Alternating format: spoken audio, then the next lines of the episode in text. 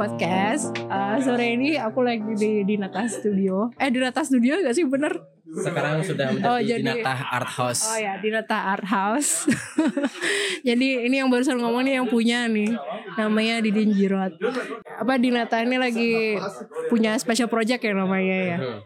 Mungkin mau cerita dikit dulu Dinata tuh apa, terus special project ini apa Oke. Ya perkenalkan nama saya Di- Diden Jirot. yang udah pernah dirupa Bali beberapa kali. Ya sudah pernah di podcast awal-awal ya di tahun 2000 berapa mungkin 20 20 ya 20 Oke Dinata Art House Dinata ini saya bikin nama sebenarnya sih simple aja ya karena wilayahnya wilayah space-nya ini ada di pekarangan rumah ya bahasa Balinya ya Natah gitu.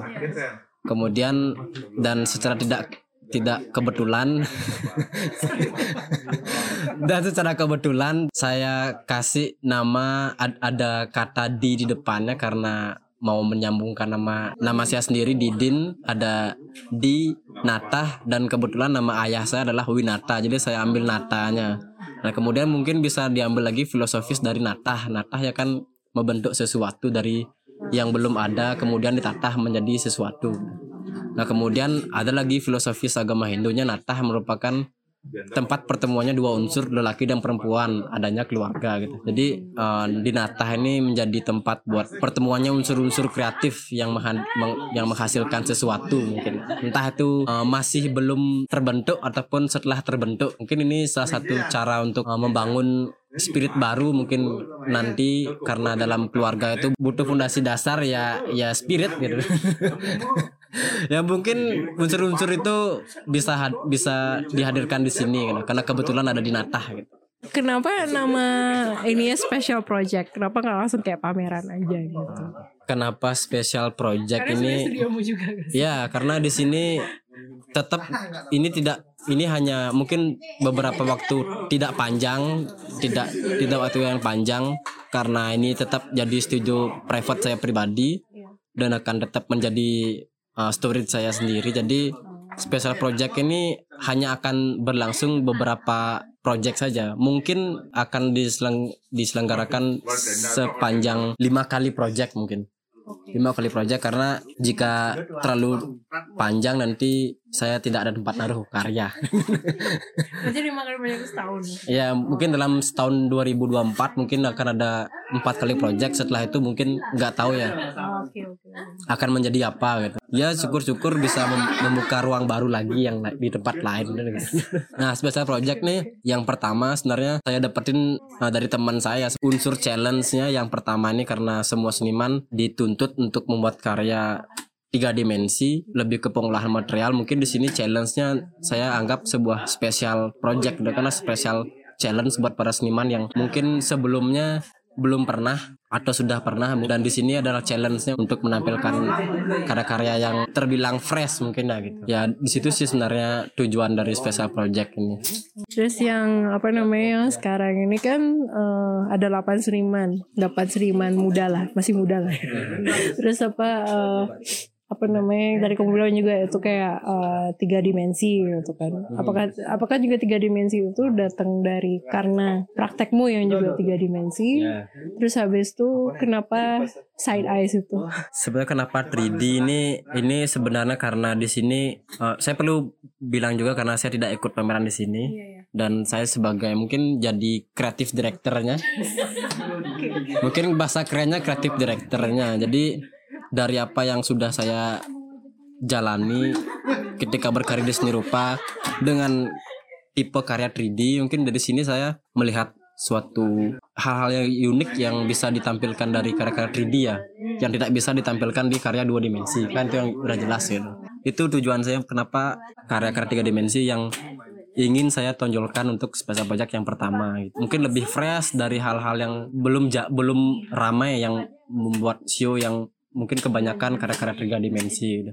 selalu berimbang dengan karya-karya dua dimensi gitu, gitu.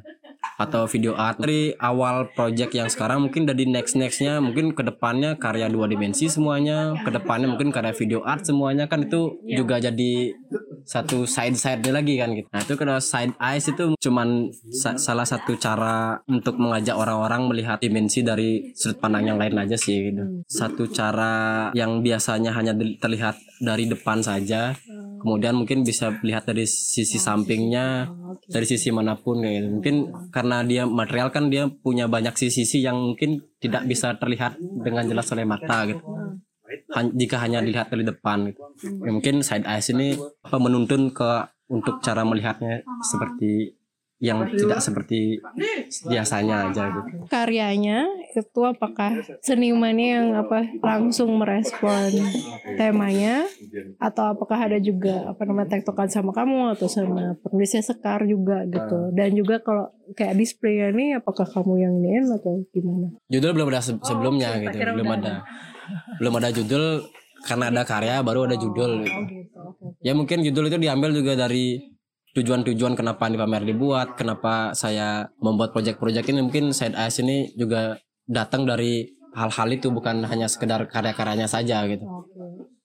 Ya mungkin side eyes juga salah satu cara buat saya membuat alternatif ruang yang mungkin di Bali sedang ada pemusatan mungkin ada pemusatan circle atau pemusatan ekosistem. Jadi dengan side eyes ini saya mencoba buat jalur alternatif yang lain dengan cara yang se sesederhana mungkin. Ya mungkin ya dari hal yang sederhana mungkin bisa menciptakan dua hal yang luar biasa gitu. Berarti karyanya mereka ini dari challenge-mu itu aja dari challenge-nya aja jadi Jadi mereka bebas. Jadi kar- seniman aku bebasin yang penting karya tiga dimensi dan di luar bentuk-bentuk konvensional seperti kotak atau bulat. ya mungkin ya kan di situ challenge-nya gitu kan, challenge-nya karena tetap eh, tetap ada semua semua bidang yang memiliki sudut dan lingkaran kan gitu. Ya mungkin di situ ya sebenarnya tidak tidak ada terhubungan yang terlalu intens banget dengan gini dengan judul ataupun karya. Ya seniman dibebaskan karena beberapa kan seniman udah kebanyakan sudah termasuk yang udah aktif banget nih di di di ruang-ruang ru- Iya. di ruang-ruang yang ada di Bali maupun Jogja gitu. Jadi ya mereka cuma dapat challenge bagaimana bikin karya tiga dimensi. Mungkin sampai situ. CSS-nya cuma mengikatnya aja. Gitu. Kalau untuk kayak displaynya itu kamu yang ngerjain? Kalau display ya ruangannya aja. Kalau display ya ditentuin bareng-bareng aja sih sebenarnya. Nih nih gimana nih gimana bareng-bareng aja sih kesepakatan aja gitu. Nah display kan apa ya butuh butuh cara pandang yang banyak kan soalnya kan bagaimana orang melihat karyanya gitu. Kalau untuk ruangan sih saya sendiri yang nge- nge-setting partisinya mau eh, mau karya apa yang mau di display di mana saja ya. Mungkin itu saya sendiri yang yang kontrol gitu. Harapanmu dari eh, pameran ini dan yang selanjutnya gimana gitu di Dinata? Ya harapan mungkin nggak terlalu muluk-muluk sih buat saya karena di sini saya juga hanya tidak menjanjikan konsistensi menjadi ruang untuk publik kan sebenarnya. Jadi harapan saya ya semoga dari dari hal kecil yang saya lakukan ini semoga bisa mematik semangat-semangat baru yang bisa inisiasi oleh seniman-seniman yang ada di Bali khususnya gitu. Khususnya seniman muda yang mungkin sudah merasa memiliki cara berkesenian yang baik dan apa sih istilahnya kayak seniman yang sudah berhasil lah yang udah berhasil di Bali dan dan semoga dia punya inisiatif juga untuk membangun dan menginspirasi teman-teman yang lain untuk eh bisa menampilkan karya-karyanya. Karena apa di Bali kan kita tidak bisa memungkiri bahwa di Bali sangat minimnya tempat buat presentasi kan gitu. Sedikitnya ruang untuk presentasi dan dan sekalinya ada itu selalu berhubungan dengan privilege kayak gitu loh Nah mungkin ruang-ruang seperti ini jadi ruang alternatif yang bisa eh, membantu teman-teman yang sedang berproses bisa mempresentasikan karya-karyanya. Ini yang terakhir. Apakah ini kayak semangat Jogja yang kamu bawain? Karena kalau di Jogja kan emang banyak kayak tempat-tempat space yang memang di perumahan misalnya kayak gitu. Ya mu- mungkin ya saya tetap saya, saya tetap mengambil akarnya aja sih karena kita melihat bahwa Jogja dengan ekosistem yang sebagus itu kan apa ya itu cukup sangat membantu seniman-seniman muda banget kan. Mungkin jika di Bali bisa kenapa kita tidak berusaha gitu gitu. Karena di Bali juga tidak kalah dengan keseniannya gitu. Walaupun itu lebih konteksnya kesenian tradisi dan budayanya gitu. Kesenian yang yang di kekinian sekarang mungkin bisa ditumbuhkan dari ya anak-anak kekinian yang sekarang. Ya begitu sih. Oke, makasih Didi. Ya terima kasih. Demikian episode kali ini. Eh, semoga bermanfaat. Eh, jangan lupa eh, follow Instagram kami di @rupabali podcast untuk update-update selanjutnya dan juga silakan kirim uh, kritik saran di email yang tertera di Spotify kami. Sampai jumpa di episode selanjutnya.